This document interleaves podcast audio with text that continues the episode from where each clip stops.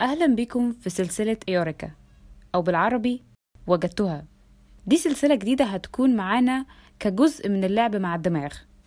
وفي السلسلة دي هنتكلم عن اكتشافات علمية وإيه قصتها ومين اللي اكتشفها بطريقة سهلة وبعيدة عن التعقيد. الاكتشافات دي قد تكون بالنسبة لنا في منتهى البساطة في الوقت الحالي بس في وقتها كانت ثورة في التفكير العلمي وما زلنا لحد النهاردة عايشين عليها بعد ما بقت قواعد وأسس علمية ثابتة في مجالات كتير في حياتنا اليومية.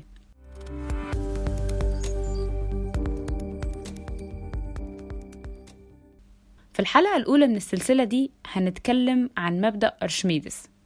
وخليني أحكي لكم القصة من أولها. لو رجعنا بالزمن لحد سنة 245 قبل الميلاد في مدينة اسمها سيراكوس المدينة دي في جزيرة صقلية. وملك المدينة دي الملك هيرون في يوم من الأيام أعطى صائغ وزن من الذهب وأمره بصنع تاج ملكي يكون من الذهب الخالص. وبالرغم من إن التاج كان وزنه مساوي لوزن الذهب الأصلي إلا إن الملك لسبب ما شك في الصائغ وشك إن التاج ده معمول من الذهب الخالص. فقرر إنه يلجأ لواحد من نوابغ العلماء في العصور القديمة واللي كان ساعتها أرشميدس. ويطلب منه إنه يبحث في الموضوع ويتأكد من إن التاج مصنوع بالكامل من الذهب الخالص أو لأ. طبعا كانت مهمة صعبة على أرشميدس وخصوصا إنه لازم يحافظ على التاج سليم تماما. لكنها في نفس الوقت كانت مهمة عظيمة مش بس للملك لكن للبشرية كلها وده لأنها كانت السبب في اكتشاف مبدأ أرشميدس. أرشميدس في يوم من الأيام أثناء استحمامه في حمام عام لاحظ حاجة. وهي إنه لما بيقعد في حوض مليان مية منسوب المية بيرتفع. ولما بيقوم منسوب المية بيرجع لوضعه الطبيعي. مش بس كده هو كمان حس إن جسمه بيبقى أخف لما بينزل في المية.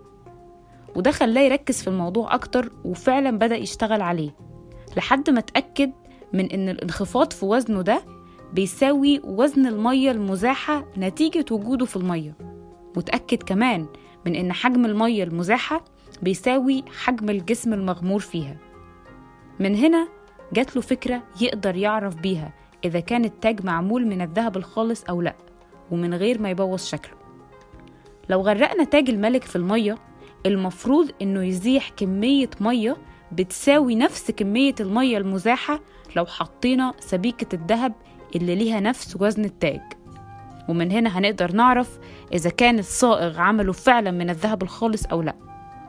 صحيح إن الصائغ رقبته طارت بعد التجربة دي لكن البشرية استفادت. استفادت مبدأ هيتبني عليه قانون الطفو وهيكون بعد كده من أساسيات علم ال fluids mechanics أو ميكانيكا المواقع.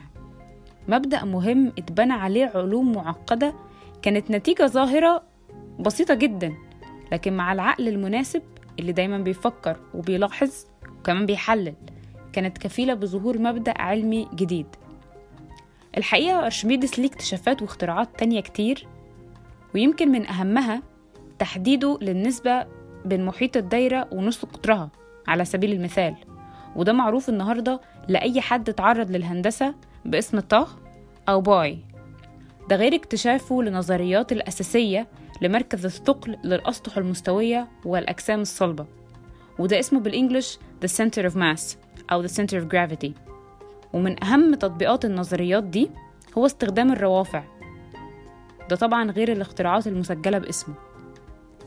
أما عن مصيره بقى فالحقيقة إن رقبته طارت برضه بس ده كان بعد 33 سنة من تاريخ اللي حصل ده. وده كان على يد جندي روماني أثناء احتلال الرومان لمدينته سنة 212 قبل الميلاد. وده كان ليه بقى؟